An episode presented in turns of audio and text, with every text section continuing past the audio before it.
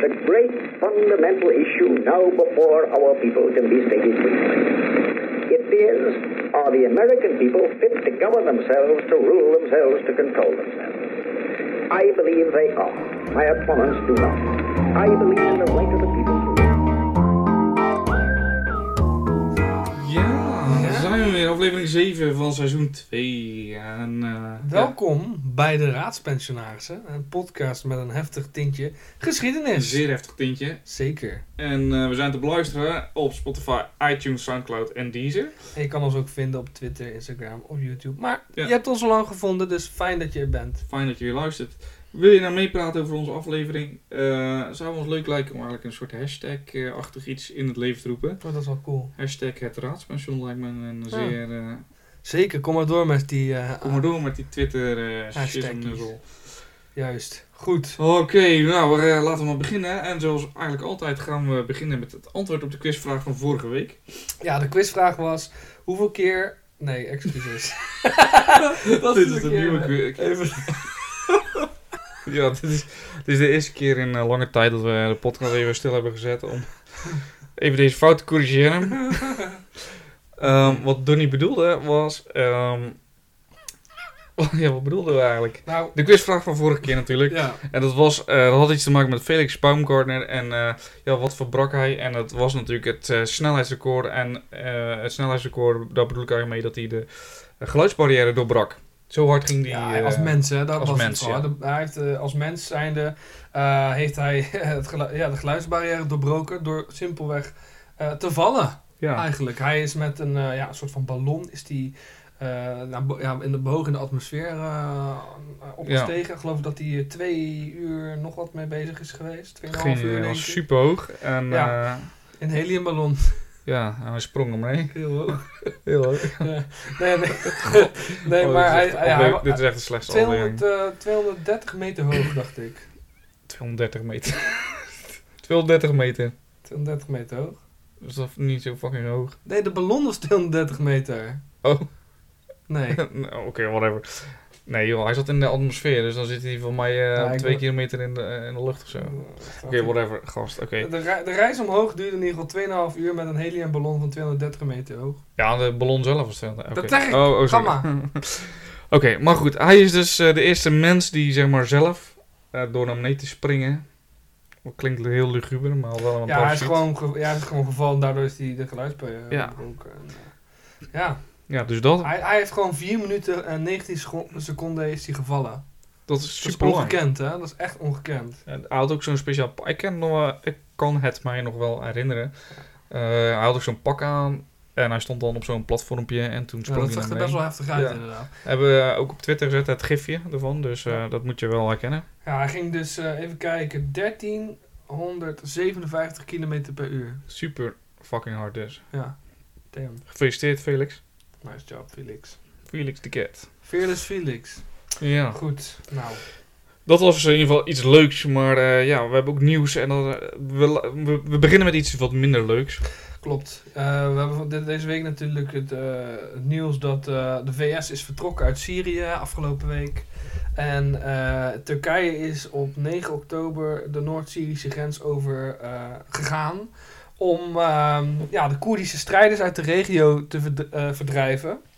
En eh, ja, eh, vandaag geloof ik al hè, is het Syrische leger bereikt. En ja, Ja, super heftig. gaan ze waarschijnlijk een confrontatie aan met de Turkse militairen. Dus dat is echt wel weer een.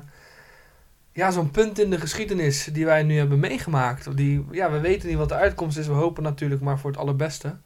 Ehm, maar ja, ik ben toch bang dat op dit moment. ja, er toch wel wat mensen. Ja, gaan overlijden. Ja, zeker ook eh, heftig natuurlijk omdat eh, inderdaad dat eh, Syrische leger dus nu ook gewoon naar het noorden trekt om eigenlijk contacten, of contacten, ja, contacten maken zoals ze dat noemen in, in het leger, hè, met, met dus de Turkse troepen. Ja. Dat is super heftig. Klopt, ja. Ja, dus ja, ik ben, ja, we houden het in de gaten natuurlijk als raadspensionaars. Ja, ja, ja, hè. Zeker, zeker. Want het is natuurlijk wel actueel. En Ja. Ja, er zit ook wel weer iets achter natuurlijk. Dus eh, ja, Ja. bijzonder. Nou, laten we dan nog- iets bijzonders gaan. En dat is eh, prinses Beatrix. Die heeft een, eh, van de week een standbeeld onthuld van Willem van Oranje in Dordrecht. En dat is natuurlijk ja, controversieel, als je het zo kan noemen.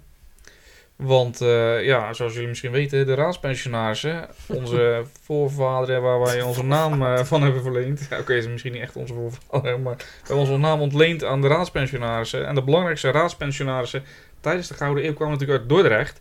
En de tegenstelling Oranjes raadspensionarissen is natuurlijk behoorlijk heftig. Hè? En Ja, zeker als je absoluut. kijkt naar eh, Willem van Oldenbarneveld. Ja. Onthoofd Johan door van, Oranje. Johan van. Oh, sorry, Johan van Oranje. Ja, nee. Onthoofd door een, door een oranje. Ja. Eh, de, nou, eh, Johan en Cornelis de Wit zijn Ja. natuurlijk... ja, het is niet bewezen dat eh, Willem de derde natuurlijk daar... Klopt, maar er waren wel natuurlijk, er waren zeker confrontaties tussen beide partijen, staatsgezinden en de oranjegezinden natuurlijk. Waardoor we eigenlijk wel kunnen zeggen dat, ja, indirect of direct, dat hij er wel mee te maken heeft gehad. ja, precies. En er zijn ook wel eh, goede aanwijzingen dat zijn handlangers zeg maar, de menigte hebben opgehitst. Ja. En, eh, en dat soort dingen. Dus eh, ja, het is wel bijzonder dat dus een standbeeld van Willem van Oranje, een van de Oranjes, of de, de eerste Oranje, laten we het even zo eh, dramatisch maken, Ja. eh, in, in Dort een standbeeld krijgt. Zeker. Aan de andere kant, weet je, ik hoorde ook bijvoorbeeld dat dan, als er op het moment dat een oranje in Dordrecht kwam, dat dan het standbeeld van de, de gebroeders de Wit, die in Dort staat, dat die dan afgedekt moest worden en zo. In het verleden. Ja, ik, kon, ik kon niet helemaal plaatsen of dat, dat nu ook het geval was, want dat zou ik wel super fucking heftig vinden. Ik vermoed dat dat niet waar is. Nee, dat ik- zou wel heel bijzonder zijn. Dat zou, ja, dat, dat lijkt me ook niet. Dus, ehm, maar goed, eh, ja. Weet je, misschien moeten het bygones be by, eh, bygones. Want ja, het is al zo lang geleden. Dus misschien moeten we elkaar gewoon lekker. eh, misschien moet het gewoon kunnen. Misschien is het nu de tijd dat het kan. Ik Dat denk de dat, het, raadspensionaris naast een oranje staat. ik denk dat het wel moet kunnen, inderdaad. Ja. Gezien ook de Franse revolutie, hè, de opheffingen van de drie standen, kunnen we ook wel zeggen dat dat wel moet kunnen, toch? Ja. Alright. ja. Goed. Wat, eh, wat nog meer, eh, Paulus? Nou, laten we het eens over de brexit hebben voor de Alweer, dus. keer. Ja, Ah, ja. en hoe, hoe staat het ervoor? Ja, de laatste eh, wat ik mee heb gekregen is dat die Boris Johnson dus nog gewoon door wil gaan. Oké, bijzonder. maar dat het, ja, het, is, het Britse parlement wil natuurlijk niet een brexit, een harde brexit. Ze willen een, eh, geen no-deal brexit. Ze Mhm. willen dus echt wel Ja. een deal maken met de EU. Logisch.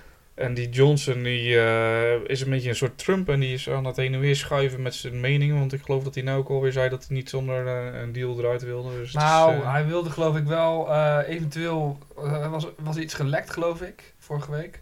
Waarin stond dat hij, wanneer het he- echt niet anders kon, dat hij om eh, uitstel weer ging vragen, wat hij eigenlijk niet wilde. Maar daarbij stond ook geloof ik zoiets dat hij dat wilde laten falen om een harde brexit te krijgen. Eh, Ik, ik kan het niet meer zo goed herinneren. Ja, brexit. Ik denk, ja, pff, zal wel. ja. Maar goed, eh, ja, hij zal ook wel moeten, denk ik. eh weet je, je vertegenwoordigt toch het volk. Ja. Of zo, toch? Alright. Ja, ja, dus... ehm, ja, we hebben natuurlijk... eh, we hebben het deze week nog... eh, maken we de China special af. Hè. Vorige week heb ik het over China... eh, zijn we begonnen erover. Ja. En... ehm, ja, we- ik las het toevallig en ik moest hier... Ja. Ja. ik denk, dit moet ik even in het nieuws Ja, eh, er, is, erbij er zetten. is heel veel ophef over Ja. geweest, ook op internet. En, eh, Ja, en, en wat is er dan precies aan de hand? Er is een eh, e-sporter. En een e-sporter is natuurlijk een, eh, een gamer. eh Chung Guai, denk ik dat je het uitspreekt. Guai, ik weet het ook niet precies. Excuses. Hij heeft eh, eh, maandag eh, heeft, hij heeft een toernooi gewonnen, een e-sports toernooi. Hij heeft daar veel prijzengeld gekregen. Die prijzengelden zijn behoorlijk. Eh, maar hij is geschorst omdat hij zijn steun betuigde voor de demonstranten in Hongkong. Ehm, en de, de topman van Blizzard, Het, ja, was dat- een, eh, het ja. was een Blizzard e-sports ja, event. Ja, klopt. Ja, van Hearthstone dacht ik. Van de game uitgever. Die hadden hem gestraft. Omdat eh, ja, in het contract geloof ik stond wel zoiets dat je geen politieke betrekkingen mocht doen. Daar hebben ze, heeft hij toch soort van gedaan in die zin. En eh, ja, daardoor is hij gestraft. En hij, is best een hele lange tijd is hij geschorst. Maar door ophef online is het wel wat mi- verminderd. En heeft hij toch nog zijn prijzengeld gehad. Ja, dus eh, ja, ja, precies. Hij heeft wel zijn prijzengeld gehad. Maar de topman zegt ook, eh, het maakt niet uit dat hij zeg maar eh, zijn steun heeft betuigd aan demonstranten. Ook als hij er tegen was geweest, zeg maar. Als hij had gezegd dat hij de demonstranten dus niet steunde en dat hij China steunde, had hetzelfde gebeurd. Dus het ging niet zozeer om wat hij zei, maar meer om dat hij iets zei. Dat ja, was het ging meer om het imago van het bedrijf zelf. Hè? Want Ja. de bedrijven willen vaak niks te maken hebben met dit soort uitspraken. Omdat ze ja, in beide landen, of althans in beide invloedssferen, gewoon eh, willen bestaan, zou ik maar zeggen. Ja, precies. Wat vind je daarvan? Ehm, ja, ik snap wel dat ze een soort van neutraliteit eh, willen betrachten, zeg maar. Ja, snap ik ook wel. Maar ja, ik vind het ergens ook wel een beetje, een beetje, een beetje naar inderdaad. Zet je nou gewoon een filmpje aan te zetten, jij? Ja, leg het, ja, nou moet je, nou moet je aan het... Nee, niks ervan. Verdomme. Deze meneer die zit eh, trouwens, eh, Paul die zit te posten op onze Twitter trouwens. Hij, Ja, zit, ja, hij ja. probeert live allemaal wat dingetjes te sturen naar, eh, naar de fans, zou ik maar even zeggen. En dan, eh, ja, dan, eh, dan heb ik jou, hè. Ja, Nee, maar wat, eh, wat vind je ervan? dat, dat die geschorst is. Dat ze dat willen. Ja, ik vind dat. eh, ik snap best dat ze een soort neutraliteitskoers willen houden. Ik bedoel, wij proberen in onze podcast natuurlijk ook eh, eigenlijk wel neutraal te blijven. Ja. Ondanks dat dat soms echt heel moeilijk is, vind ik. Ik vind het echt het heel is ook heel moeilijk. Eh, omdat je toch altijd gekleurd bent. eh, ja. En ehm, Mhm. ja, ik, ik vind het. eh, ik ben benieuwd wat er had gebeurd als die zijn steun voor China had. Of dan hetzelfde had gebeurd, zeg had maar. hetzelfde gebeurd, maar dat online was er waarschijnlijk veel minder ophef geweest. Ja, dus Als hadden ze waarschijnlijk achter Blizzard gestaan. En als, echt, er- als het echt in het contract stond van we gaan geen. Geen, geen politieke shit doen, eh, dan zeg ik ja, dan hebben ze gelijk eigenlijk. Eigenlijk hebben ze is dan gelijk toch? Klopt, maar nu schaden ze toch hun eigen naam alsnog, doordat heel veel fans juist toch wel achter dat van Hongkong staan, snap je? Ja, Maar vergis je niet, hè? China is een gigantische markt voor zo'n bedrijf. dat klopt ja. Dus Ja. eh, de e-sports, eh, ook de film hè, Warcraft, en de film, ik weet niet of je die hebt gezien, Ja. in Europa vrij geflopt, in Amerika ook, maar in Azië, is die was het helemaal echt een uh, super huge Er komt geen nieuwe trouwens daardoor. Eh, nee, dat is wel jammer, Ja. want ik genoot er best wel van. Ja, ik vond hem ook wel aardig. Ja, De, alright. Hey, ja. Hebben we nog wat post, eh ouwe? En we zijn nog niet klaar. Oh, ben je nog niet klaar? Nee man, we hebben nog, eh, wat ik zag, dat moest ik wel, dat vond ik wel Zo. bijzonder, dat er een tekort aan mobiele telefoonnummers eh Dat klopt, ja, dat klopt. Mensen zijn, zijn nu te veel mobiel. Ja, ze hebben meer nummers nodig. Eh, dus ze zijn oude, volgens mij oude nummers aan het opheffen en weer hergebruiken. Ja, in die richting. En ze ja. vragen ook bedrijven om eh, eventuele zakelijke, ehm, eventueel zakelijke eh, nummers die niet gebruikt worden, om die terug te geven, zodat ze die kunnen gebruiken. Ja. Dat is best heftig. Ja, Want anders dan moeten ze binnenkort weer een extra cijfertje eraan plakken. En dat, is, dat, wil je niet. ja, ik weet niet wat ze dan, wordt het dan, eh, ja, blijft het dan langer. 06 of wordt het dan 05 of eh, Nee, ik heb geen idee. Misschien, dat kan ook. Misschien wordt het wel een ander. of ja. 07? Ja. Ja, Geen no idee. clue man, no clue. Nee. Ehm, ja, op dit moment is er ook een, eh, ik weet niet of het op dit moment is, maar vandaag was in ieder geval, de boeren hebben weer gedemonstreerd in Groningen. Ja. Dit keer om de stikstof, iets met stikstofbeleid op te heffen. Ja, eh, ik zag allemaal dat ze het stadhuis binnen gedrongen waren en dat ze de deur hadden opengebeukt. Ja, dat is wel een beetje aso. Ja, ik zag een filmpje over dat ze politieagenten met hooi, eh, hoe noem je die, die sproeiers, hooisproeiers. Ja, ik dat, weet volgens mij mag dat, dat mag toch helemaal niet, ambtenaren. Ja, lijkt mij ook niet, maar... Dus dat is een beetje gek wel. eh. Beetje. Dit vind ik... Kijk, nu komt het gekleurde natuurlijk naar Ja. voren. Ik vind dit soort dingen dan weer iets te ver gaan. Ja, Want die mensen staan daar ook gewoon voor hun werk. Hè? En die, die steunen ze misschien wel met hart en ziel. En dan sta je, dan weet ik veel, een hooibouw of, op te schieten. ja, dan sta je een hoorbal terug te koppen, ja. Ja. Ja, ja ik, ik heb ook aan die kant gestaan. eh, niet, ja, in de gevangenis, zeg maar, werkte ik natuurlijk. En eh, ik eh, heb ook met illegale vreemdelingen gewerkt. Ja, en dan wij als personeel hadden altijd het beste voor met die mensen. En wij voeren, probeerden het beleid zo humaan mogelijk uit te voeren. Eh, maar ja, wij kregen ook altijd eh, echt hele heftige dingen ons hoofd van, eh, van de linkse partijen, zeg maar. Echt ook dat wij zogenaamd mensen zouden martelen en dat soort dingen. Heftig. Ja, terwijl dat je daar staat eigenlijk en je probeert je best te doen. ja, dat is toch wel dat je denkt van shit man. Ja. En een overheidsinstantie geeft dan niet, geeft daar geen respons op of zo. Hè. Die, die negeren het eigenlijk gewoon. Mhm. Maar als, als medewerker, ja, denk je toch van shit man, eh, overheid, eh, weet je, je bent mijn werkgever, misschien moet je me beschermen. Mhm.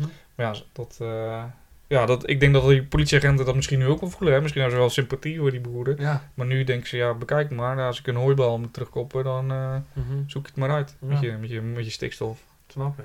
Maar ja, lastig. Lastig. En het laatste wat ik opgepikt had, was dat de Amerikanen door Nederlands grondgebied reizen. Met tanks en, en, en materiaal. Huh? Oh, dat, eh, je kijkt heel verbaasd. Ja, vertel. Ehm, ja, ik liet het filmpje zien aan mijn vrouw en die zei gelijk, zijn dat die boeren? Nee toch? Maar dat was natuurlijk zo'n eh, zo'n APC, zo'n Ja, ja, eh, ja. troepenvoertuig. Maar nee, maar de Amerikanen die... ja, het is natuurlijk eh, 1991, Koude Oorlog voorbij. Nou, dat, ik vraag me af of het überhaupt wel voorbij was. Want de Amerikanen reizen dus door het Nederlands grondgebied, door Duitsland, door Polen... om zich te stationeren aan de grens met Rusland. Ja, eigenlijk als een soort afschrikking voor de Russen Zijn ze dat op dit moment aan het doen? zijn ze op dit moment aan het doen. Dus het kan zomaar zijn dat je op de snelweg zit en dat je in een eh, kolonne Amerikaanse eh, militaire voertuig komt. Dat is bijzonder. Ja. Ja, dat vond ik ook. Ik heb dat niet eh, eerder meegemaakt. Ik vind het zo gek dat dat dan, dan allemaal nog kan. Hè? Dat, dat, waarom, waarom? Weet je wel? Ik vind het zo vreemd en zo wrang. En, Ja, het is. ehm, ja, is de Koude Oorlog wel voorbij, vraag je dan af? Was dit niet gewoon een detente? eh, ja, dat kunnen wij nu niet zeggen. Dat is het vervelende. aan. nou, nu, ja, nou ja, misschien kunnen we dat wel doen. En dan eh, kunnen we zeggen, de raadspensionarissen zeiden het als eerst. Ja, dat kan. Dus. Maar goed, eh, bijzonder. Ja. Nou, we hebben ook nog luisterpost gehad. Ah, daar zijn we. Ja, best wel leuke luisterpost. Of luistervragen hebben we ook gehad. Eigenlijk de Winteroorlog. Werd er gevraagd van... ehm, hoe kwamen we er... Ja, ik had contact met een, eh, met een fan. Een fan. En eh, hij, zei, hij vertelde dat de acteur die... ehm, hoe heet die? eh, Saruman speelde. Ja, Christopher... Ja. mm, Christopher... Christopher... Nooit. Oh, nou kom ik er niet op. Hij heeft ook een metalband. Dat is echt super stoer. Metalband. Die Ja, die oude man... had- 80. Ja, ja, die had een metalband. Cool. Super vent. Christopher... Ah man, daar kom ik er niet op. Dooku. Christopher Lee, bijzondere naam. Dat is echt, Christopher Lee natuurlijk, ja. Ja, is wel echt een, eh, echt een stoere dude. Maar dat hij gevochten had, dus tijdens de Tweede Wereldoorlog. eh, ehm, en dat ja, ook, hij zei op een gegeven moment tegen de acteur eh, Peter Jackson: van luister, ik kan willen dat ik gil als ik een mes in mijn rug krijg, maar dat ga ik niet doen, want ik heb zoveel mensen gezien die een mes in hun rug krijgen. En het laatste wat ze doen is gillen, zeg maar. Dat ja, maar hij heeft ook zelf een mes in zijn rug gekregen. Ja, Dus dus hij wist wat het hij was. wist wat het was, inderdaad. Maar het schijnt dus dat hij dus gevochten heeft in de Winteroorlog. En wat is de Winteroorlog nou? Dat is een oorlog eigenlijk tussen Finland en, en Rusland. En ehm, Finland was eh, in eerste instantie in eh, 1809 door het Russische Rijk eh, veroverd van Zweden. Eh, eigenlijk om eh, de hoofdstad Sint-Petersburg te beschermen. Die zit eh, vlak eh, bij, in de, bij de grens. Ehm, en tijdens de Russische revolutie namen de Finnen eigenlijk, eh, die, en ze werden gesteund door de Duitsers, eh, hun kans waar. De Russische revolutie is tijdens de Eerste Wereldoorlog. En ze namen een kans waar, eh, een kans schoon, of eh, hoe je het ook noemen wil. Ze kwamen in opstand en ehm, de Finse Bolsjewieken konden in ieder geval niet de burgeroorlog winnen. Waardoor dus Finland een, eh, een, een apart eh, land werd. Een, een los land van, van eh, Rusland. Dus hun eigen staat vormde. In 1920 eh, traden ze dan ook toe tot de Volkenbond. Maar de relatie met de Sovjet-Unie bleef slecht. Want de Sovjet-Unie wilde gewoon een soort bufferzone Ja. hebben voor een noordelijke stad. Ehm, en op eh, 23 augustus 1939 werd natuurlijk eh, het eh Molotov-Ribbentrop-pact gesloten tussen Duitsland en Rusland. Ja. Ehm, waardoor eigenlijk eh, het zo, de situatie zich eigenlijk voordeed dat Rusland gewoon besloot binnen te vallen. Ehm, en omdat de Duitsers dus een eh, niet-aanvalspact hadden gesloten met, eh, met de Russen, eh, gingen ze dus ook de Finnen niet helpen waar ze eerder natuurlijk wel bondgenoten waren. ja, klopt. Ehm, daarbij komt eigenlijk dat ehm, de Finnen hebben, ze, ja, hebben best wel fel weerstand geleverd. Ze werden ook gesteund door eigenlijk alle geallieerden, maar ook door eh, bijvoorbeeld Italië. Die wilden ook Finnen steunen, maar dat mochten ze dus niet doen van Duitsland. Eh, en uiteindelijk eh, zie je wel dat ehm, Finland dus verliest en dat ze dus ja, een, een, een, een hoop moeten afstaan aan de Mhm. Russen. Ja. Ehm, dat was op 12 maart 1940 en in Moskou werd die vrede ondertekend. ja, en jij zegt Christopher Lee, die zat in die oorlog. Christophe Lee heeft daar gevochten, zeg maar. eh, er waren hoop vrijwilligers van, eh, van de Britten bijvoorbeeld en eh, ja, natuurlijk nog andere geallieerde landen. waren vrijwilligers daarheen gegaan om mee te vechten. Want ja, 1939 was natuurlijk nog niet de Nee. oorlog uit... mm, dat zeg ik nu wel. Ja, wou net zeggen. Ja, die was er natuurlijk wel uitgebroken. wel, dus, eh, maar dat was natuurlijk... Maar wel bijzonder dat ze dan eigenlijk tegen de eh, latere geallieerde Ja. bondgenoot vechten. Dan. Ja, maar dat was natuurlijk eh vrijwillige troepen. Hè? Dus, de vrij- dus die, in principe staan die niet onder, Nee. het contract van een land. Dus je kan ze niet, als je Britse ehm, gast dan, ja, hij was vrijwilliger daar, wij hebben er niks over te zeggen. Hij hoort niet bij het Britse leger. Dus op die manier, ehm, Wel bijzonder dat je daarvoor kiest. ja, ja, goed, ja, dat, het is nog steeds zo, hè. Mensen trekken ook naar IS-gebieden om te vechten voor IS bijvoorbeeld. Maar ook de tegen, de tegen hè. Zijn ook Nederlanders volgens mij daarheen Ja, gegaan om te, ja, bendes om te vechten tegen IS.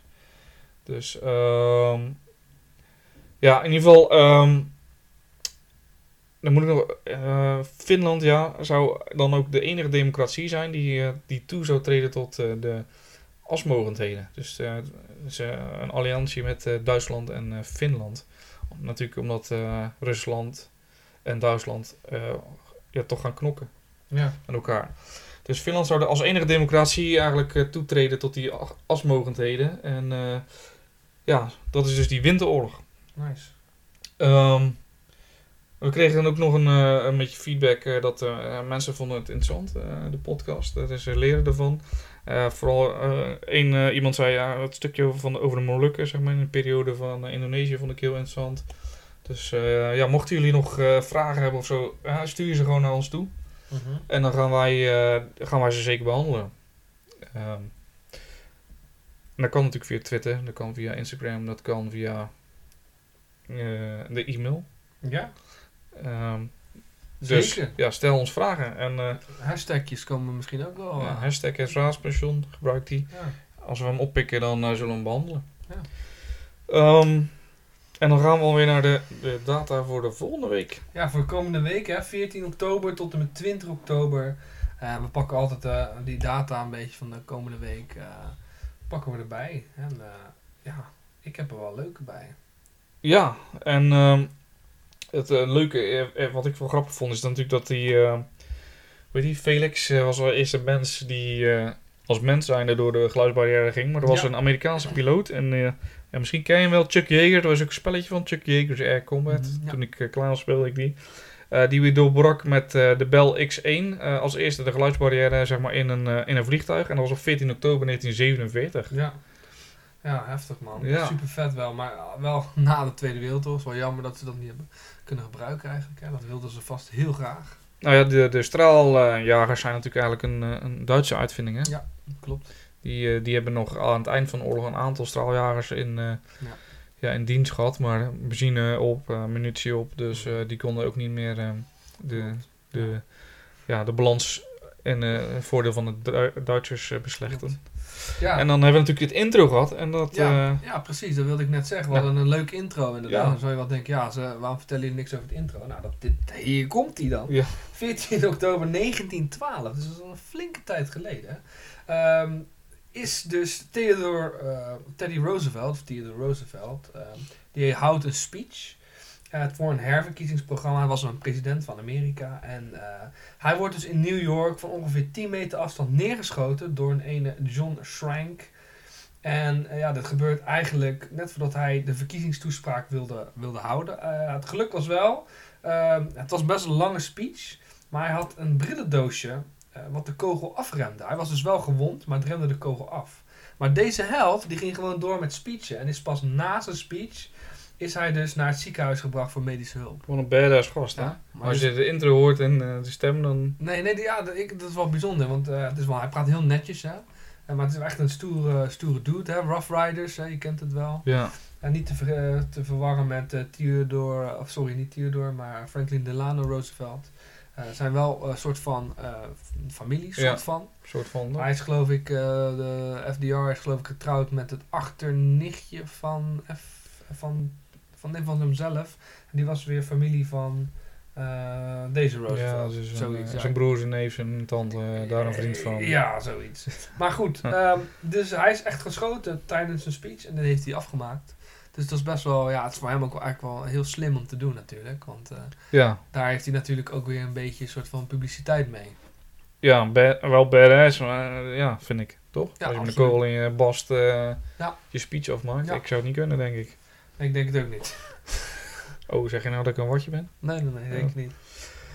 Ehm, op 15 oktober 1917 werd de Nederlandse danseres Mata Hari iets buiten Parijs door een vuurpeloton geëxecuteerd. Nou, als we het hebben over 1917, hebben we het over de Eerste Wereldoorlog. Yes. Ehm, en eigenlijk was er in een eh, vonnis eh, vastgesteld dat zij zich schuldig had gemaakt aan hoogverraad vanwege spionage voor de Duitsers. Het is wel een bijzonder verhaal. Het is een lang verhaal, ik zal hem een beetje inkorten. Het is een Friesin. Ja, hoe kan het ook anders? Eh, en tijdens de Eerste Wereldoorlog raakte ze eigenlijk verstrikt in een soort spionageweb. web, want wat gebeurde er? In 1916 kwam ze in contact met de Duitse inlichtingendienst, die haar eh, de codenaam gaf. De codenaam gaf spionne. Spionne. H21. ze kreeg eh, van, de, van die inlichtingendienst kreeg ze een voorschot van 20.000 francs. eh, waarna ze daarmee naar Parijs vertrok om daar dus te spioneren voor de Duitsers. Eenmaal in Parijs werd ze echter verliefd op een Russische officier. Ehm, waardoor ze door de Franse inlichtingendienst werd gevraagd om ook voor hun te spioneren. Eh Fransen wisten uiteraard niet dat ze ook voor de Duitsers werkte. Ze, daarom was ze dus een, eh, een, eigenlijk een dubbel eh, spion, want ze accepteerden dat. Maar ja, zowel de Duitsers als de Fransen die wantrouwden dus die dame. En ja, ze wordt dus uiteindelijk opgepakt op 13 februari 1917. Eh, Nederland heeft nog wel een gratieverzoek ingediend, maar eh, dat mocht niet baten. En ze werd dus eh, ja, op 15 oktober 1917 eh, ter dood veroordeeld en geëxecuteerd. Ja, met een vuurpeloton. Bam. Ja, gewoon bam, jongen. Ja, Best wel heftig. ja, daar zou je een film over kunnen maken. Ja, Ja. leuk. Misschien een leuke film voor eh, Walt Disney. Voor Walt Disney inderdaad. Holy crap. Eh, op 16 oktober 1923 richtten de broers Walt en Roy Oliver eh, Disney, eh, de, ja, de Disney Brothers Cartoon Studio op. En het eh, bedrijf die gaat zich bezighouden met, wat, wat kan het ook anders? Tekenfilm. Ja, anders is het geen cartoon studio. Heel goed, heel goed. Nou ja, ik heb de obvious. You're welcome. nou, de eerste grote hit is uiteraard in 1928. En daar hebben we het al eerder over gehad. Hè, dat is met Mickey Mouse. Hè, denk aan Steamboat Mickey. Ja. En eh, ja, hij is nog steeds, eh, eh, ja, de- de- hoe zeg je dat ook weer? De, het mascotte. Ja, mascotte. inderdaad. ja. Ja, tegenwoordig zouden we zeggen, ja, Disney is meer Marvel-achtig. Hè. Marvel was ook heel groot nu. ja. Dat is ook omge- ja, Disney is nu allemaal al van dat soort bedrijven aan het opkopen. Hè. Pixar, Disney heeft Marvel. Ja, ik heb nou, ik heb Disney Plus. En daar Ja. is wel super vet dat die Marvel films erop staan. Ja, klopt. Niet gesponsord trouwens, maar het mag wel. Ja, mag wel, tuurlijk. Altijd. ja, klopt. Maar Ja. ja, kijk maar uit met wat je zegt, want anders word je een kopje kleiner gemaakt. Ja, precies. Dat moeten we niet hebben. Nee, je zou maar zo kunnen eindigen als... Marie Antoinette. Want op 16 oktober 1793, dat is natuurlijk ten tijde van de Franse revolutie. Dat is echt jouw ding, hè, Franse revolutie. Ah oui oui, monsieur. Gelijkheid, vrijheid en broederschap. Ja. Ja, nee, maar eh, de koningin Marie Antoinette wordt eh, onthoofd in, eh, in Frankrijk onder de guillotine. Ze was al weduwe, want haar man was een aantal, ik geloof maanden ervoor al onthoofd. Ja, het is ook best heftig dat je man al zo'n tijdje onthoofd is en dan jij pas. Ja, ze heeft heel lang in de gevangenis ook gezeten. Eh, nou, haar verhaal is sowieso best wel tragisch. Hè. Ze is heel erg gehaat door het Franse volk, want zij was Oostenrijk. Dus is niet zo gek ook, want ik, eh, tenminste, hè, dat denk ik. Maar ik hoorde dat ze op een gegeven moment zei, ehm, toen de bevolking niks meer te eten had, dat zij zei van, dan eet ze toch cake? Ja, maar dat is een broodje aapverhaal. Ja, dat is een broodje Dat, dat aapverhaal? niet waar. Ah, Oké. Dat is echt weer precies wat, wat, wat men ervan maakt. Ja, dat is, gewoon niet, dat is gewoon niet waar. Ah, Oké. Nou, Nee, maar het is heel bekend. ik vond het eh, wel grappig. Ja, dat is ook heel grappig. Ze toch cake? Nee, nee. Ja. Ze, ze is echt heel erg gehaat ook, omdat ze eigenlijk uit de familie komt van eh, de Oostenrijkers, hè? Habsburgers geloof ik. En eh, ja, dat waren voorheen echt een grote vijand in die tijd van de, van de Fransen. En ja, door, door de, met, de, met de koning van Frankrijk, eh, Lodewijk de 16e trouwen, ja, was er denk ik een soort van compromis gesloten tussen beide partijen. En eh, ja, helaas voor haar ha- werd ze ontzettend gehaat. En Nou, onthoofd. Ja, maar niet, niet zozeer onthoofd door dat, door dat natuurlijk, maar doordat eigenlijk de democratie werd uitgeroepen in Frankrijk en de koning werd afgezet. En toen, Ja. eh, Iedereen werd, on- werd onthoofd ja, en ten eerste, de koning en, en zijn vrouw en kinderen die wilden vluchten uit eh, Frankrijk, want ze voelden inderdaad dat de sfeer al heel grimmig was en heel gevaarlijk eigenlijk voor eh, het koningshuis. En toen zijn ze gaan vluchten.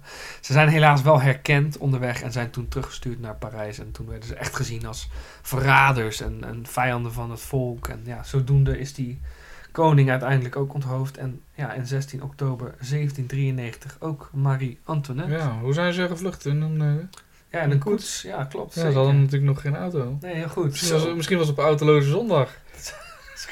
die was goed, hè? Ja, dat was mooi. 7 oktober namelijk 1973 ehm, dus, eh, kondigen een aantal OPEC-landen een olieembargo af tegen westerse landen. Dat heeft te maken met, eh, ja, er gebeurt wat in Israël. Hè, dus oorlog eh, in Israël en eh, de Westen steunt Israël.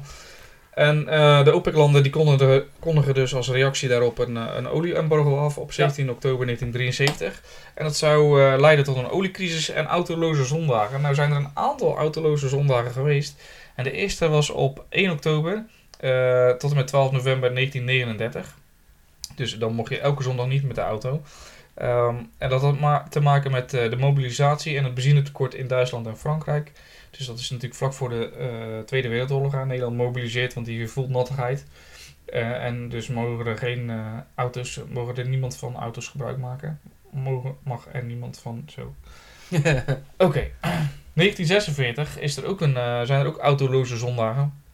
Eh, en dat had ermee te maken dat. ehm staat daar eigenlijk niet bij. Dus ik weet het niet. Maar de benzine was in ieder geval schaars. En het is na, na de, de Tweede Wereldoorlog, daar zat het gewoon mee Ja, te dat maken zal het hebben. wel denk ik mee te Dus de maken wederopbouw. Ja. Precies, inderdaad. Nou, dan had je ook nog geloof ik 56, 57. Dan had je ook eh, autoloze zondagen. Dat Ja, had maken de Ja, Suezcrisis. die is wel nice man. Ja. Ja. Is die nice? Ja, ik vind het een interessante eh, ontwikkeling. Van rond het Suezkanaal. Maar het is een ander verhaal natuurlijk. Ja, dat is een eh, verhaal voor een andere keer. Ja. Maar het is wel interessant inderdaad. Maar door die Suezcrisis, wat dus ook weer eh, ervoor zorgt dat eh, het Westen minder olie krijgt, zijn er dus ook autoloze zondagen. En als laatste heb je nog tijdens de oliecrisis van 73, die ik dus net benoemd heb, ehm, een, eh, het is eigenlijk een derde reeks, reeks eh, autoloze zondagen. Dat is wel de langst bekendste denk ik. Ja, dat denk ik ook. Hè. Eh, Ik, ken nog foto's van mensen die aan het picknicken zijn op de Ja, snelweg, dus klopt. dat is wel grappig. Ja, ja, ja. ja. Ja, dus ehm, ja, dat was dus op 17 oktober 73. Hey, en wat gebeurt er op 18 oktober 1867? Nou, dat is wel grappig. Een hele grote overdracht van land eigenlijk, van, eh, van Rusland naar Amerika. Want de Verenigde Staten, die kopen Alaska van Rusland. Ja, ik Dus denk dat ze daar nu wel spijt van hebben. Ja? De- waarom dan? Dat weet ik niet. Dan hebben ze toch wel. Ik denk, eh, nou ja, 1867. Ik denk in de Koude Oorlog dat Rusland daar wel spijt van heeft. Oh, gehad. Rusland. Ja, ja, Ja, zeker. Ja, dat denk ik ook. Ja, maar in die tijd was er natuurlijk nog geen, eh, geen spanning tussen Rusland en de Verenigde Staten. Klopt. Maar dit, dit laat dus zien eigenlijk dat het niet zo gek is, hoewel het wel gek is, dat Trump eh, natuurlijk eh, Groenland. Groenland wil kopen. Mhm. Ja, Maar het gebeurde wel vaker. Denk ook aan de Louisiana Purchase. ja, klopt. De grootste, eh, ehm, ja, hoe noem je dat? Onroerend goed overdracht ja, klopt. in geschiedenis. Ja, dat was dus weer het midden, eigenlijk midden en het westen van. Nou, nog niet heel het westen geloof ik. Maar het midden, eigenlijk het midden van, midden van de Verenigde Staten. ja, die ze verkocht. overkochten van Frankrijk. Heeft Napoleon verkocht. ja wel zijn- geld nodig. Ja, ja, logisch. Ja, goeie zeg. Napoleon, slim van hem. Ja, klopt. Want wat wilde die eigenlijk doen? Ja, heel goed van jou. Eh, op eh, een goede link ook, ouwe. 19 oktober 1812, nou dat, dat jaartal zegt het al, hè, de Napoleonitische oorlogen. En Napoleon die trekt zich terug uit Moskou, want die oelewapper natuurlijk. Hè, wat gebeurt er in Moskou? Ah, Ja, het is niet normaal ehm, hoe vaak mensen Rusland hebben binnengevallen en eh, met een koude kermis weer thuis zijn gekomen. klopt. Dus ook Napoleon. Maar hij heeft wel, eh, ze hebben wel Moskou in de fik gestoken. Nee, de Russen hebben eh, Moskou. Dat is eigenlijk. Ah, ja, uiteraard, want dat doen ze altijd, Ja. die, eh, die, die gozers. Ja, de Russen zijn bekend natuurlijk om, het, om de verschroeide aarde. Hè? Dus eh, verbranden alles. Als ze zich terugtre- terugtrekken, vernietigen ze alles wat van Ja. waarde kan zijn. Dat is echt wel, Voor de hard, wel hard, jongen. Dat is echt heel hard. Maar Ja. het heeft ze wel echt geholpen. Ook hier weer. Want Napoleon. Die eh, wint een eh, slag, maar net hè, op het randje wint hij bij eh, Borodino. Dat ligt zo'n 120 kilometer ten westen van Moskou. En het is ook een keerpunt, want de, ja, de, de Russische legers die trekken terug en ze verbranden alles wat ze tegenkomen. En eigenlijk verwachten de Fransen dat de vredesonderhandelingen wel zullen beginnen. Napoleon die, gaat naar Moskou en die trekt ook Moskou binnen. Maar ook daar is dus alles verbrand, Mhm. alles kapot gemaakt. Ehm, en dan zou je je afvragen, wat, wat is het nut daarvan? En dat is eigenlijk heel simpel. Een leger heeft gewoon eten nodig, Mhm. Onderdak. voedsel nodig, onderdak inderdaad. En op het moment dat je je, heel je stad gewoon compleet vernietigt, dus ook je het onderdak en het eten, eh, eventueel water vergiftigt. Ja. Japanners hebben dat ook gedaan in de Ja. oorlog eh, bij de Pacific. Ja, dan, eh, dan kan dus het leger niks, niks meer en dan moet het eigenlijk Ja, terugtrekken. klopt. Wel bijzonder, want eh, wat gebeurt er met die Russen die dat eten nodig hebben? Zullen ook al heel veel eh, zijn overleden. Nou ja, de Russen trekken zich terug. Die, die trekken zich naar een andere plek waar, waar wel wat eten is. Ja. En ja, eigenlijk van de 700.000 militairen die onder het bevel van Napoleon Rusland zijn aangevallen, waaronder ook een hoop Nederlandse militairen, Dat klopt. overleven er slechts tussen de 18 en de 20 22.000. Ja, dat is wel heel veel, hè? Dus veel, ja, heel veel dood, zeg maar. Ja, Ja, dat bedoel ik. ja 600, eh, ja 680.000 ongeveer. Ja. Damn. Ja, dus dat is niet echt om een eh, opera over te schrijven. ik wou net zeggen. Om een liedje over te zingen. om een liedje over te zingen, inderdaad. Ja, op 20 oktober 1973 opent eh, koningin Elizabeth II eh, het Sydney Opera House. Ah, een, een wereldwondertje is het, hè. Ja. Eh, het is een heel opvallend gebouw natuurlijk. Hè. De, de, de, de thuisbaas van de Sydney Symphony eh, werd weer ontworpen door de Deense architect Jeroen Utzon. Ja. Zeg ik het goed? Ja, ik denk het niet. Ik weet het niet. Jij bent daar geweest. Ja, dat eh, helemaal niet. Oh, je bent in Zweden geweest. Ja, dat moet je daar niet zeggen trouwens, hè? Nee? Nee, nee, nee. Dat was puur even van dit ding. Valt best mee hoor, maar dat is echt zo'n dingetje. Ja, dat is natuurlijk wel historisch te onderbouwen. Ja, dat is zeker historisch. volgende keer. Ja, precies. Nou, de architect helaas was alleen niet zelf uitgenodigd. Maar Ja. ja, het is een mooi, heel mooi, bijzonder gebouw ook. eh. Ja, Als ik het nu zo, als je het zo ziet, dan kan, je, kan ik me nog niet voorstellen dat het in 1973 al zo hippe stijl eh, ontworpen is, zeg maar. Het is echt een mooi gebouw. Ja, ja ik, ik heb het niet live gezien, maar Nee, niet. plaatjes ervan vind ik wel fucking precies, mooi, Civilization of zo. Ja, bijvoorbeeld. Daar moet je aan denken, hè? Ja, natuurlijk. Sydney Opera House. Super tof. Ja, zeker. Ja, en dan zijn we eigenlijk door de week al heen. En dan zijn we eigenlijk al bij, de hoofd, Ja, bij het hoofditem, want we gaan de, de, de Ja. China Special. Ja, klopt. Er zijn natuurlijk wel... huge. Ja, het is very huge. Er zijn natuurlijk wel heel veel meer dingen die gebeuren, eh, die deze week zijn gebeurd. Hè? Ja. Eh, laat het ons weten als we eentje gemist hebben die jij heel erg mooi of belangrijk vindt. Of wat minder mooi, dat kan ook. Eh, maar we gaan het inderdaad nu hebben over eh, China. China. Ja, want we zijn eh, vorige week eigenlijk een beetje rond 1800 geëindigd. Hè? we hebben het gehad over de dynastieke cirkel. Ja, ja, ja, ja. En ehm, de laatste dynastie dus, eh, die eindigt ook eigenlijk met eh, ja, rampspoed. Ja. Met opstanden. Hè, we, eh, ik weet niet of ik hem al benoemd had, maar tussen 1796 en 1804 is de opstand van de Witte Lotus. Klopt, die had je benoemd inderdaad. Hè, de bestrijding van de, de Xing en herstel van de Ming. Ja. Ehm, dus die slaan we dan even over. Tenminste, we hebben hem nu benoemd. ja. Ehm, dan eh, er is nog een opstand in 1851, eh, tussen 1851 en 1864. Dat is de Taiping-opstand. Eh, ja, China kampte natuurlijk met grote problemen. Sowieso natuurlijk de opiumoorlog. Ja. Hebben we die eigenlijk al behandeld? de Nee, nog niet. Dat gaan we nu even doen. Ja, zullen we dat eerst even doen? Ja, dat lijkt me wel een goed idee. Opiumoorlog, bam. Ja, opium. Nou, we hebben het al een klein beetje gehad over de opium-situatie. hè. dus Engeland in, eh, in het kort, die heeft eh, ja, bewust eigenlijk de Chinezen verslaafd gemaakt aan opium. Door dat te verhandelen naar, eh, naar China. Want ze wilden wat meer invloed krijgen in, eh, in de handel in China. Want ze waren natuurlijk als buitenstaanders niet toegestaan in het binnenland van China. Als je dat wel deed, je kon er wel bijvoorbeeld wel naartoe. Maar dan mocht je niet meer weg. Ja, en daarnaast, eh, belangrijk ook met de handel, is eigenlijk dat eh, het Westen veel kocht, Ja. maar niks kon terugbrengen, want de Nee. Chinezen wilden niks hebben. Ze hoefden het ook niet te Nee. hebben. Ze misten het niet echt, eh, de spullen die wij konden aanleveren. Nee. Eh, maar dus de Britten die besloten in al hun wijsheid om inderdaad opium te introduceren. ja, en dat was een groot succes. De Chinezen werden massaal verslaafd aan, aan opium. Zo erg zelf dat uiteindelijk de Chinezen besloten om te zeggen: dit kan niet zo verder. Nee, want de Chinezen, ja, het kostte heel veel geld. Natuurlijk eh, sowieso om het te kopen, om het te- te importeren, wat weer eh, voordelig was voor de, voor de Engelsen natuurlijk, maar niet voor de Chinezen. Ja, En eh, ja, ze besloten dus een soort van opstand te komen. En het deed me een beetje denken aan... de Boston Tea Party. ja. Oh, Exact. gelukkig. Great Ja, minds think alike, exactly, bro. man. Ja, inderdaad, de Boston Tea Party. Hè. Op een gegeven moment worden grote hoeveelheden opium worden in, de, in de haven geflikkerd. Wat tot grote woede van de Britten natuurlijk, die een hoop eh, geld kwijtraken. ja, ja, ja, zeker, zeker. En de Boston Tea Party is vergelijkbaar dat de Amerikanen thee in, het, in de haven flikkeren. Ja. Om de Britten dwars te zitten. Nou ja, maar wat gebeurt er nou? Ze gooien dat in het water en eh, ja, de, de Britten die reageren daarop.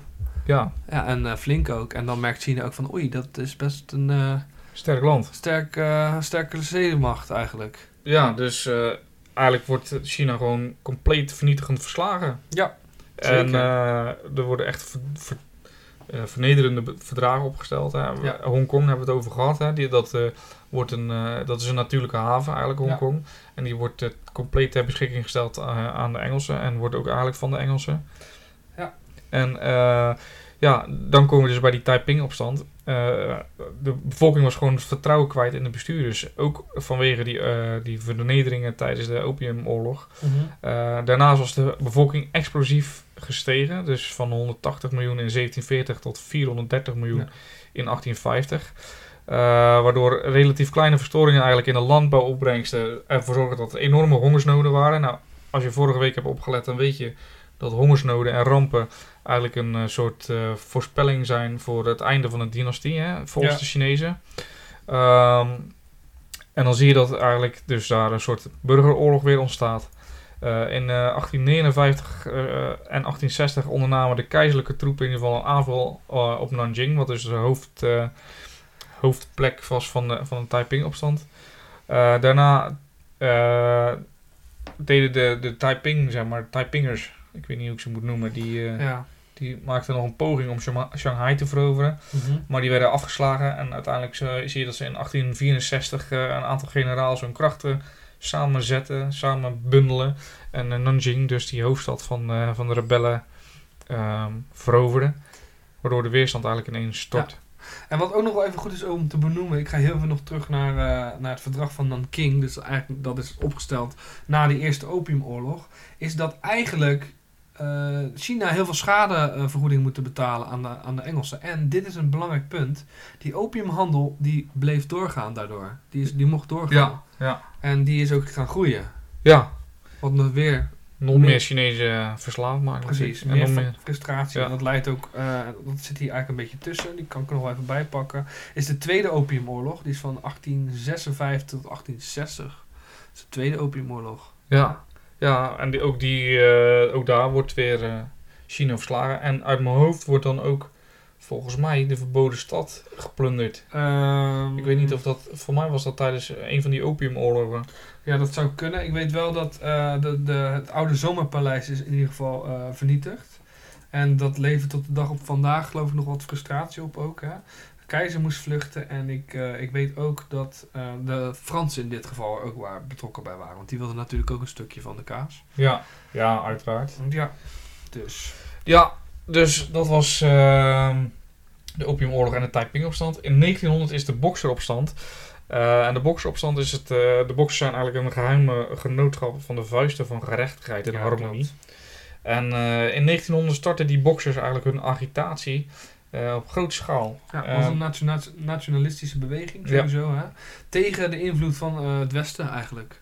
ja, dus eh Westelingen, Japanners, Chinese, Chinese christenen dan. eh, eigenlijk alles wat westers is, worden, worden, worden aangevallen. Vermoord ook. Ja. Goederen geplunderd. En uiteindelijk worden er zo'n 500 buitenlanders, vooral zendelingen en missionarissen, worden vermoord. Ja. Er zit ook een Nijmeegse bisschop bij. Maar dat vind ik niet interessant om te noemen. Het is toch maar Nijmegen, de eerste is stad uit Nijmegen. Romeinse Ja, Rijk. Dat is wel waar. Ja. Novio Maris. Novio Maris, ja. Ja. Eh, Grenzius Reinius. oh, ik ken niet. dat was slecht. Ja. In ieder geval, ehm, in juni was de, van dat jaar, eh, van, eh, dus januari 1900 begon het. In juni was de toestand zo uit de hand gelopen dat er sprake was van een, eh, van een echte opstand. Eh, toen de boksers ook nog eens eh, samen eh, gingen delen, ehm, samen gingen met delen van het keizerlijke rijk. Zo, god allemachtig. De boksers gingen samen met onderdelen van de keizerlijke legers. Dank u. Eh, toen was het gewoon helemaal klaar. En eh, de internationale coali- coalitie eigenlijk die besluit om, eh, om een leger te sturen om de opstand te breken. Dus je ziet eigenlijk dat het Westen daar Ja. interveneert. Ja, want er zaten ook heel veel diplomaten in de stad hè, die ze aanvielen. En Ja. die waren in gevaar in die zin dat ze echt letterlijk vermoord gingen worden. Nou, dus, en dat wilden ze niet. Nee. Dus een internationale troepenmacht eh, die stuurt een. eh, eh, nee, de internationale coalitie stuurt een troepenmacht. En op 14 augustus 1900 eh, wordt de opstand dan ook gebroken. Yes, indeed. Ja, ehm, hebben we het al gehad over het kantonsysteem? Voor mij wel, hè? In het kort. In het kort, in ieder geval, tot 1840 konden buitenlanders alleen verblijven in Macau en het district van 13 factorijen van Canton. Ja. Eh, en dat staat dus voor 13 districten eigenlijk. Ja, dat is dan weer door het Westen opgericht, hè, die factorij. Ja. Ehm, en eigenlijk eh, zie je dus, even kijken, oh, dit is de, ja, dat is dus het kantonsysteem. Ehm, maar goed, dankzij die opiumoorlogen is het dus, eh, die, wordt het kantonsysteem ook helemaal eh, ja, in de band gedaan, waardoor dus handel compleet los, losbarst. Excuses. Ehm, en eh, inderdaad, eh, die opium is daar eh, ook een ja, is eigenlijk de bedoeling van de Br- Britten geweest om de handelsbalans in hun voordeel te laten slaan. En je ziet dat al die frustraties en al die opstanden die leiden uiteindelijk tot eh, 1911, waarbij de laatste Chinese keizer van de troon wordt gestoten tijdens de Xinhai-revolutie. en werd de Republiek China uitgeroepen. Klopt, zeker. En dan is eigenlijk ook wel een beetje dat het Westen wel invloed aan het krijgen is. Hè, en dan al een tijdje. Dat steeds meer westelijke invloeden te zien zijn in het dagelijks China. Ja. Ehm, ook zie je dat buiten Mongolië, Tibet eh, zich, eh, zich onafhankelijk eh, verklaren. En Tannu Tuva, Tuva wordt geannexeerd door Rusland. Dus dat zijn allemaal gebieden die, die eigenlijk China moet afstaan. Ehm, en dat is ook, de- ik weet niet of we het over gehad hebben, de kaart van de nationale schande. Waarop eigenlijk de grenzen volgens China. eh, Klopt, en ze willen dat nog steeds dat terug, in, in, voor Ja. het gevoel. Waar, zien ze dat als Chinees gebied? Ja, dus eigenlijk zien ze, daarom zien ze Tibet ook als Chinees gebied bijvoorbeeld. Ja. Ehm, eigenlijk in eh, 1937 begon eh, eh, eh, een, weer een revolutie, maar dan door middel door van een communist eigenlijk. En dat noemen ze de Kuomintang. Ja. Ehm, maar goed, in 1937 eh, herkennen jullie waarschijnlijk wel, dat is vlak voor de Tweede Wereldoorlog. Maar voor China is het eigenlijk al de Tweede Wereldoorlog, want Japan bezet echt hele grote gebieden in Oost-China, waaronder de Chinese hoofdstad Nanjing. Ja, nou, ze beginnen eerst natuurlijk in 1931 al, dat ze Manchurije binnenvallen. Ja. En eh, daar verkrachten letterlijk eh, een flink aantal soldaten, heel veel ehm, vrouwen. En En, moorden. eh, en vermoorden echt eh, heel veel. En daar zijn de internationale gemeenschap, hè, de Volkerenbond, die reageert daar ook heel erg op. Alleen eh, Japan die loopt daar naar binnen en die doet hun zegje en die loopt weg. Ja. En eh, de Volkerenbond ziet dan eigenlijk dat ze niks kunnen. Die kunnen niks. Ja. Die staan daar een beetje met hun handen in het haar. En dan zie je ook echt dat eh, ja, een, een zekere Herr Hitler denkt: Oh, wat een goed idee. ja, Dat kan ik ook. precies. Nou, is natuurlijk niet helemaal waar dat ze helemaal niks kunnen, hè? Nee, absoluut niet. Want de, je ziet dat Amerika bijvoorbeeld boycott de hoop grondstoffen naar Japan, wat weer zou leiden tussen of naar Japan en het bombardement op Pearl Harbor bijvoorbeeld. Klopt. Ehm, maar goed, eh, daar begint in ieder geval de haat van eh, China en Japan, eh, of tenminste, ik weet niet of die daar begint, maar in ieder geval daar zie je de haat tussen China en Japan. Ja, nog steeds levert dat heel erg veel Frictie. frictie op, inderdaad. Nou ja, later, ik geloof in 1937, ik weet niet of ik dat goed zeg. Zeg ik dat goed? Kan wel. Nou, ik mag ook wel eens wat fout zeggen, toch? Ja, Dan zie je dat ze ook inderdaad China binnenvallen. Ja. En dan inderdaad wat jij net zei. Dat, Dat is klopt. ook, 1937 inderdaad, Ja. eh, bezetten ze dus grote delen eh, van Oost-China, eh, waaronder dus de hoofdstad van China. Ja. Ja, en er was nog iets heel bijzonders in China aan de hand. Hè. De opkomst van de communisten was er. die natuurlijk het beeld uit de Russische revolutie een beetje overnemen. Die dat ook willen. En aan de andere kant had je heel veel Chinese nationalisten. En die twee partijen, die waren eigenlijk een beetje met elkaar in conflict. Ja, En eh, ja, dat was na de. Ik geloof dat ze tijdens de Tweede Wereldoorlog die partijen dus even de, de handen eh, bij elkaar staken en samen zijn gaan werken tegen de Japanners. In die zin eh, ging dat wel weer even goed. Maar ik geloof dat het na de Tweede Wereldoorlog weer helemaal flink is losgebarsten.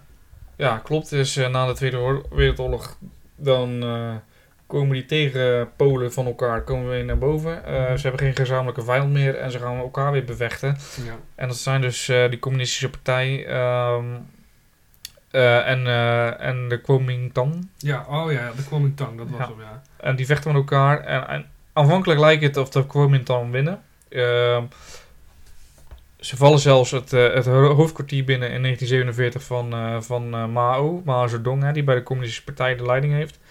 Eh, maar Mao en zijn rode leger zijn al, al vertrokken. En er volgt eigenlijk een, een, een kat-en-muisspel tussen, ehm, tussen De communisten en die Kuomintang. Ja, en de- ik geloof dat de communisten ook heel erg bij de, bij de boeren in eh trok. En dat ze daardoor ook uit de handen van de nationalisten konden blijven. Ja, met jezelf denk ik als Ja. eh, in Vietnam. Hè. ja, precies. En uiteindelijk zie je dat de Kuomintang eigenlijk hun steun verliezen bij de bevolking. Omdat de so- en soldaten die beginnen dus langzaam maar over te lopen. En zo ja, gaat dus de, de, de, de, het balans gaat over naar de communisten. Eh, en daarom werd de burgeroorlog ook in september 1949 door die communisten gewonnen. En in oktober 1949, hebben we vorige keer ook eh, benoemd hè, in de podcast, proclameert, dat is een mooi woord, Ja. Mao vanaf de Tiananmen Square poort. eh, de Chinese Volksrepubliek, waar hij zelf president van wordt. En een of de andere duurt Ja. premier. Zhou Enlai wordt premier. ja, en dan natuurlijk de nationalisten. Waar gaan die naartoe? Zeg het maar. Ja, die gaan naar het eilandje vlakbij, ja. Taiwan. Taiwan. Je Weet ziet je er wat de hoofdstad is van Taiwan? Nee. Bangkok. Oh ja, Moet je Bangkok. eigenlijk in, eh, Oh my god. Maar anyway, je ziet dus dat eigenlijk het twee soort van eh, China's zijn. Hè? In die zin, eh, de- zeg maar de leiding van de partijen. Er zijn dus twee Chine Chine- Chinese volksrepublieken. Ja, welke is nou de echte? Ja, goede vraag. Ja, toch? I don't know. Ja. Ehm, er volgt wel een eh, behoorlijk zwarte bladzijde eigenlijk in de periode ehm, van de Chinese geschiedenis. Eh, want er wordt heel erg ondoordacht. Er worden geprobeerd de economische achterstand ge er geforceerd door middel van een vijfjarenplan. Hè, wat, eh, wat kenmerkend is aan de communisten. Eigenlijk ehm, ja, om die allemaal goed te maken. En er wordt de grote sprong voorwaarts eh, genoemd. Ja. Dat vijfjarenplan duurt uiteindelijk maar drie jaar, van 59 tot 61. Eh, het hele platteland wordt net zoals eigenlijk communistisch eh, Sovjet-Unisch eh, voorbeeld, worden de, de, alle boeren worden samengevoegd. En een collectivisatie Ja, een noemen we soort dat. van in, in communies inderdaad, Ja. collectivisatie inderdaad. Ja. Ehm, en de productie, de productie eigenlijk van, het, van, het, van voedsel door die boerderijen zakte echt enorm in elkaar. Waardoor dus weer enorme hongersnoden ontstonden. Klopt, en dat heeft ook te maken natuurlijk dat de boeren zich niet extra wilden inspannen. Eh, ja, zonder dat er een beloning aan gekoppeld is. Wat nou best wel logisch is. Hè? Ja. Het gevolg dan is natuurlijk een eh, gigantisch grootschalige hongersnood. Ja, en tussen de 18 en de 45 miljoen mensen ja, verlie- verliezen het leven eigenlijk in die eh, hongersnood. Ja, door honger. Oh, verschrikkelijk. Ja, hey, dan kan je weer denken eigenlijk, als je denkt aan dat cyclische proces, zie je weer dat Ja. er eigenlijk een soort van rampspoed aan de hand is. En dat is heel typisch, hè, dat men, dat men dat ziet. En ja, Mao die doorbreekt dat wel soort van. Maar ja, het wankelt al wel een klein beetje. Ja, Uh, ja. Nog wel een paar decennia voordat dat echt klaar is. Althans, partijen zitten nog steeds, laten we zeggen. Het is wel natuurlijk hervormd nu. Het is maar wel hervormd. communistische partijen zijn nog steeds. Ja. Eh, in 1966 breekt eigenlijk de culturele revolutie uit. Eh, ook door het toedoen van Mao, die eh, de Rode Garde liet oprichten. Ehm, dit was eigenlijk een spiraal van geweld en terreur tegen intellectuelen, waarbij heel veel doden vielen. Heel veel mensen natuurlijk die graag ja, terug wilden naar het oude systeem, het Mhm. eh, Confucianisme en dat soort dingen. Mao wilde dat absoluut niet meer. Ehm, ja, en eh, eigenlijk de, de maatschappelijke ontwricht, ontwrichting die daardoor eh, komt, is, veroorzaakt weer heel veel hongersnoden. Mhm. Dus eigenlijk zou je wel kunnen stellen dat die, communisten, die, die communistische dynastie al lang eh, beëindigd zou moeten zijn. Ja, klopt. Maar dat is dus niet zo. Maar als je kijkt naar de smokvorming in, eh, in China nu, ja, in, eh, Bizar. Ik heb Ja. in 20 minuten, ik had een filmpje las in de klas opgezet van 20 minuten. En dan zag je ja, gewoon van niks naar. Je ziet niks meer, zeg maar, Ja. op een gegeven moment. ja, dat kan ook een natuurlijke ramp zijn. Ja, nice. Dus, ja, Dynastieke cyclus ten einde. Zou ik ja, ze moeten er iets aan gaan doen, hè, maar ze zijn er ook nog wel.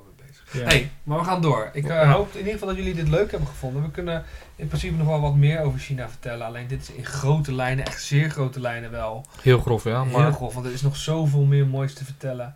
Alleen ja, daar hebben we wel wat extra uurtjes voor nodig. Zo. dat kan je wel zeggen. Ja, dit is de raadspensionaren en natuurlijk niet de Confucianisten. Ja. Dus. Nice. Anyway, ehm, meneer, Ja. ik heb wat vragen voor u. Ik, eh, wie, was, eh, wie begint er? Jij bent voor mij weer om te beginnen. Ik begin, jongen. Ik, eh, we, doen elke week nu drie vragen. We stellen nu drie vragen aan elkaar om, ja, om even te checken of onze geschiedenis een beetje up-to-date is. En om een soort van een beetje onderling competitie te houden. Ja, Dus- scherp houden. ook. Ja. hey, ben je er klaar voor? Ik ben er klaar voor. Ben je er klaar voor? Ben je er klaar voor? Ben klaar go. Wat is ostracisme? Ja, dat is eitje. Eitje. Ik ben eitje. benieuwd, ik ben Super benieuwd. simpel, dat weet ik. Ostracisme, dat is een, eh, staat eigenlijk voor het schervengerecht van de Grieken. Dus dat betekent dat in de Griekse, of eigenlijk eh, specifieke Atheense democratie, eh, daar waren ze heel bang om weer een dictator terug te kri- krijgen. Die hadden ze afgeworpen. En eh, wat, wat deden ze nou? Ze gingen dus eh, door middel van, van een eh, ja, scherf van een pot of iets dergelijks. Daar eh krasten ze een naam in van een, eh, van een politiek persoon waarvan ze dachten die heeft te veel macht. En eh, degene die dus de meeste scherven met zijn naam eh, had, die werd eh, ja, uit mijn hoofd tien jaar verbannen. Nice, Om man. zo eigenlijk de democratie te beschermen. Ja, nee man, ik vind het heel mooi. Ik, ben, ik straal helemaal als je dit soort dingen verdenkt. Oh, yes! Want dit, is, eh, dit is, het staat aan de grondslag van onze democratie. Vet toch? Eigenlijk moeten we het gewoon weer invoeren. Nee, Nee. dat is niet te doen. nee. Stel je voor dat je 17, eh, hoeveel, hoeveel miljoen mensen? 17 miljoen mensen? Nee, dat 17 18 miljoen- volgens mij al. 18 miljoen keer eh, Scherven. schermen moet gaan Ja, tellen. ik kan het toch een beetje up-to-date maken. Met, eh, met fucking mobiel of zo. Met een app. Ja, dat klopt. Weet ik ja, kan, maar dat is sterker. Anyway, Waar verban je iemand heen tien jaar? ja, dat, eh, gewoon even naar de Canarische eilanden, zo lekker chillen. Oh ja, dan krijg je dat weer. Hey, ehm, ja, we hebben dit eigenlijk al een beetje behandeld. Maar goed, hij is voor, jou, weet je, deze, was, eh, deze is voor jou. Alright. Oké, wat was de rol van Willem III bij de moord op de raadspensionarissen? Nou ja, het is natuurlijk niet helemaal duidelijk wat zijn rol was. Dat is denk ik wel het, eh, juiste antwoord, hè, als we dat zeggen. Want hij eh, was natuurlijk de tegenhanger een beetje van Johan de Wit, hè, de, de raadspensionaris. Ehm, en hij ja, het was een politieke tegenstander. En men zegt inderdaad dat zijn achterban eh, eh, zeg maar de, de, de meute heeft opgehitst. Om zodoende na het verlaten van de gevangenis eh, in Den Haag, ja, om hem te vermoorden. Ja, dat klopt, ja. Ja, heel goed. Dank u. Leuk. Maar ik wil nog even één ding aanvullen. Even, want ik ben wel echt... Ik heb daar een scriptie eh, over geschreven. Wat denk jij... En dit is, is geen quizvraag, maar dit is gewoon even... Wat denk jij dat er gebeurde met de daders... Die, zeg maar, degene die eh, Johan en Cornelis hebben vermoord? Wat, wat denk je dat daarmee gebeurde? Hadden hadden die niet de beloning gekregen? Ja, zeker. Die kregen allemaal mooie functies Ja. en eh, geldbedragen en dat soort dingen. Ja, dan ben je gewoon een schuldige boy, toch? Ja, dan ben je toch gewoon, dan ben je toch gewoon de gangster achter eh, deze Ja, dit is wel best smerig inderdaad. Illuminati shit. Ja, Ja. dan Ja. heeft hij het, ja. Hij heeft, ja, dat is het. Toen, maar toen ik dus aangaf van in mijn scriptie als conclusie dat hij er wel iets van moest weten. En sterker nog dat ik wel hem verdacht van eh, ja, het opzetten. Toen kreeg ik hem toch mooi terug dat dat niet eh, een juiste conclusie was. Grappig, hè? Oh, Ja, dat is wel een beetje. Ja. Dat is wel bijzonder. Ja, snap ik. Ergens een orangist of zo. Ja, dat, denk eh, het. Ja, denk het ook wel, ja. hey, heb je, ben je er klaar voor? Ja, go. Deze is... ah, misschien lukt het je wel. Ik hoop het voor je in ieder geval. Wanneer begon de ijzertijd in Nederland? Holy fucking crap, dat weet ik veel. Eh, de ijzertijd, dus dat moet... De eh, ijzertijd, hè? niet de ijstijd, maar de Oh, ijzer. de, a- oh, de ijzertijd. De ijzertijd. zei de ijstijd. nee, de Nee, is ijzertijd. goed, heel even nog eh, ja, dat wat zeggen, anders zit je er een paar duizend jaar ik. googlen. Nee, ehm, de ijzertijd. Ja, dat zal 3000 voor Christus? Nee joh, nee, nee, dat is gewoon 10.000 helemaal voor. Christus. Nee, dat is- 15.000 voor Christus. nee, ook niet. 100? Nee, 800 jaar voor Christus. 800 voor Christus. Ja. Nou, dat is heel bijzonder. Ehm, hij, eh 800 jaar voor Christus eind, eh, begint hij eigenlijk. En eh, het eindigt ook met de komst van de Romeinen. En eigenlijk rond de Middellandse Zee begint het al veel eerder. Dus 1200 voor Christus begint daar de ijzertijd. Je ziet dat dat even nodig heeft om verder naar het noorden te trekken. Eh, de mensen die daar ook in eh, deze samenleving woonden, dat waren vooral boeren. En die woonden in hele kleine, kleine dorpjes samen. Dus het is eh, een hele bijzondere tijd. En dat eindigde dus met de komst van de Romeinen. One to nothing. Ja, one and nothing. Nou ja, oké. Nou, goed, netjes, oké. Nou, Maar er, er komt nog een inhaalslag, denk ik hoor. twee voor jou. Oké, dit is een moeilijke zeker. ik zie jou kijken. Wat is het grootste bombardement op een Nederlandse stad tijdens de Tweede Wereldoorlog?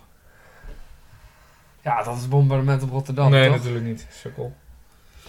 Nog één kans. Ma- Helemaal nog één keer. In Nederland zei je dat? Op een Nederlandse stad Op een tijdens Nederlandse de Tweede stad. Wereldoorlog. Tijdens de Tweede Wereldoorlog. Op een Nederlandse stad. Ja. Als in niet als we erop gingen zitten of zo, maar ze flikkerden bommen op een Nederlandse stad. Dat is toch, Grootste bombardement. dat is toch Rotterdam, Dat was niet Rotterdam, nee. Geef Serieus? het op. Ja. Noem een andere stad, gewoon random. Nou, weet ik niet, Amsterdam. Ja, random toch? Nee, ja. Ik had al begrepen als je Eindhoven had genoemd, want die is ook gebombardeerd. Ja. Ah, dat Maar is, nee. eh, Nou ja, het is België, dat eh, begrijp ik niet. Het geallieerde bombardement op Nijmegen op Mhm. 22 februari Ah. 1944. Geallieerde bombardement. Ja. Oh, ja, ja. Nee, nee, nee. Ik vroeg gewoon het grootste bombardement, hè. Dus, Mhm. dus of het nou Duitsers zijn of geallieerden. Nee, nee, nee, maar het waren toevallig geallieerden. Ja, ah, heftig man. Ja, die bombardeerden dus Nijmegen op 22 februari 1944. En het was eigenlijk een soort van ja, big mistake, als ik het zo maar even mag, eh, mag zeggen. Want wat, is dus nou, wat was het geval tijdens de Tweede Wereldoorlog? Vlogen de bommenwerpers naar Duitsland. Mocht het nou zo zijn dat ze dus niet hun target konden bereiken, om wat voor reden dan ook, weer of afweergeschut of whatever, dat het te gevaarlijk was, dan gingen ze zoeken naar targets of opportunity op de Ah. terugweg. Gingen ze Eindhoven pakken omdat ze dachten dat het een Duitse stad was. Nijmegen, maar inderdaad. Eh, zei ik Eindhoven? Ik zei Eindhoven. Maar jij zei net ook Eindhoven. Nee, ik zei Nijmegen. Nee. Ik zei, als je Eindhoven had gezegd, had ik Oh, het oké, begrepen. nu snap ik hem. Want Eindhoven is ook gebombardeerd Ja. door de Duitsers. Oké. Maar, eh, dus, en toen kwamen ze dus bij Nijmegen, eh, maar ze dachten, ze wisten, ze hadden niet het idee dat het, eh, ze dachten eigenlijk dat ze nog boven Duitsland vlogen. Ja. Eh, maar het was dus Nijmegen. En eh, officieel kwamen er bijna 800 mensen om eh, het leven. Ehm, Heftig. ja, dus dat. Ah man. Ja, heftig shit. Hè? Zeker man. Alright. Oké. Oh. Derde Oké. vraag. Ja. Next vraag. Next. Derde vraag. Next. De- deze, ga, deze, deze, ga je, deze ga ik aan je Oké. meegeven. Hij moet, wel, hij moet wel kloppen, hè? Ja, ja, oké. Ja, hij moet wel echt, hij moet wel kloppen. Ik ga deze niet cadeau geven, want anders is hij wel heel makkelijk. Oké, dit is 2-2. Dus, eh. Alright. Wat betekent het woord renaissance? Renaissance, dat is eh, de letterlijke bete- Ik, ja, ja, wat betekent het? Het is teruggrijpen op de oudheid. Nee. Herleving van de oudheid. Nee, nee, nee, nee. het nee. is, het is. Nou, wat dan? Ja, ik weet niet of ik je deze kan geven, jongen. Het is Ja. een wedergeboorte. Ja. Wedergeboorte, Ik maar- vraag of jou de letterlijke vertaling. Jij zegt nee, nee, nee, nee. Ja, moet, Oké, ja, dat- wedergeboorte van de. Oké. Ik geef je een half punt. Half. Nee, nee, ja, dat zou ik op de toets ook doen. Nou ja, nee, dat is niet waar. Zo gemeen ben ik nou ook niet. Nee, eh, ja, de wedergeboorte. Nou, wedergeboorte waarvan natuurlijk? Hè, eh, de- hè, door de nieuwe bloei en eh, kunst en cultuur in, ja, in Italië zie je dat de Italiaanse geleerden, de humanisten, dus eigenlijk ehm, ja, teruggrepen naar de tijd voor de donkere eeuwen. En de donkere eeuwen zijn natuurlijk de middeleeuwen, daar komt het woord ook vandaan. Dus dat ze keken naar de tijd ervoor, dat was natuurlijk de oudheid. Oftewel de tijd van de Romeinen en, en een beetje naar de Grieken ook. En dan gingen ze daar weer naar kijken, naar de cultuur van toen. En daar zijn ze heel erg op teruggegrepen. Dus ja, daardoor zien ze eigenlijk de middeleeuwen ook als een eh, van donkere periode. En Oh, is ja. dus een wedergeboorte van die cultuur uit de oudheid. Hè? Ja, Want ze zien natuurlijk al die prachtige kunstwerken in Rome. En ja, dat, dat, dat is hun soort van, een, eh, ja, hoe zeg ik dat? Een laterschap van de Romeinen. En ze zien zichzelf natuurlijk als ja, afstammelingen daarvan. ja, maar de Dark Age is wel een beetje niet, niet klopt. helemaal een tekenend. Nee, dat, dat is zeker niet waar. Want er, zijn, er werd gezegd, dan, in, de renaissance werd er dus gezegd... ja, in die middeleeuwen, daar is niks gebeurd. Nou, dat is niet waar natuurlijk. Er Nee. is heel veel gebeurd. Hè. Onderwijs is ook weer opgekomen onder Karel de Grote. Druk, eh, print. Eh, ja, dat is Press, wel, dat- de print, print, ja, maar dat is wel aan het einde dan. Dus op zich Ja, tel ik die niet helemaal mee. Maar ook hè, ontwikkelingen met eh drieslagstelsel, allemaal van dat soort dingen. Dus zeker wel wat gebeurd. Ja, oké, nou dan heb ik die niet. Ja, nee, dat geeft niet. Maar eh, close, close, close. Oké, voor jou. Wat is de geboortedatum van Chuck Norris? Ja, fuck dit man.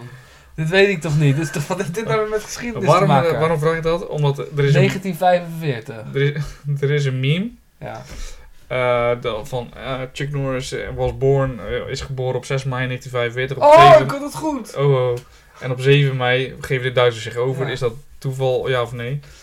Maar goed, ik heb het even opgezocht. Maar Chuck Norris is helemaal niet geboren op 6 mei Shit. 1945. Hij is geboren op 10 maart 1940. Dus het is gewoon, Oh man. het was gewoon een grapje, zeg Damn maar. Het is echt een meme zo die niet klopt Krijg ik ook eigenlijk. een half puntje dan. Oké, we staan gelijk. We It's a staan tie. Oh! Dit was eh, echt zo'n white man. Ja, white- Anyway. Heel slim. Ah, mooi man. Dus we hebben allebei anderhalve punt. Ja, nice. samen drie punten. Cool, man. Nice. Nice. Oké, Nice man. nou, naast dat we natuurlijk elkaar altijd bevragen, bevragen we jullie ook weer met een nieuwe quizvraag. Mhm. En dit keer is eh, de quizvraag, ehm, en er zit een inleidend verhaaltje bij, dus begin niet gelijk, "Oh, het is geen vraag. De Sovjet-Unie voerde op 30 oktober 1961 een enorme grote kernproef uit boven Nova Zembla. Eh, en daar wordt de zogenaamde Tsarbom tot ontploffing gebracht. Dus Nova Zembla is meer dan alleen een kutfilm. Ehm, en de vraag die hierbij hoort is: Hoeveel keer ging de schokgolf, die dus veroorzaakt werd door die bom, de aarde rond? Alright. Alright. Alright, dan zitten we er weer, eh, We zijn er weer doorheen, man. het zit er weer op. Fucking hell. Ehm, belangrijke mededeling is dat we volgende week hebben eh, vakantie. Ja, daar ben ik heel blij mee. Ik ook. Dus dat betekent dat we een intermission week hebben. Dat wil zeggen dat wij volgende week eh, Een week van bezinning. ja, een week van bezinning, een week van gemis voor jullie. En voor ons ook, want dit is fucking awesome. Ja, ik vind het heel leuk. Ik hoop dat jullie het ook nog steeds heel leuk ik vinden. hoop het ook. We gaan dit zeker blijven doen. En eh, de achterban groeit. Zeker. Gestaag. Dus, gestaag. Dus eh, Ooit. als je nieuw bent, fijn dat je er weer bent. Fijn, Ja. fijn dat je erbij bent. Ja. Ja, mochten jullie eh, zeg maar mee willen praten over wat we besproken hebben, gebruik dan de hashtag het raadspensioen. Op Twitter. Zo. Ja, Dat was een harde ja. sorry. ik ben gewoon heel enthousiast, jongen. Ja, je weet dus, toch. ehm, volgende week zijn we er dus niet. eh, dus over twee weken zijn we er weer. En dan gaan we weer verder. Eh, we hebben de China special gehad. Dus we gaan iets nieuws Ja. verzinnen. Klopt. Eh, mocht je nou een suggestie hebben, uiteraard. Laat het ons weten op Ja. het raadspensioen op Twitter. Of op Instagram. Of mail ons gewoon uh, de raadspensionaars.gmail.com. Zeker, zeker. En laat ons ook echt de leuke geschiedenisfeitjes weten. Hè. We hebben twee weken de tijd nu, dus we kijken misschien kunnen we wat extra informatie ook vertellen over de komende weken. Hè, als we weer terug zijn. Ja. Nou, bedankt eh, voor het luisteren. En dan eh, zien we jullie volgende, niet volgende week, over twee weken. Over twee weken. En we wensen jullie natuurlijk, als je met vakantie gaat, of als je vrij bent, zoals wij, een fijne vakantie. een zeer fijne vakantie. Later. Later!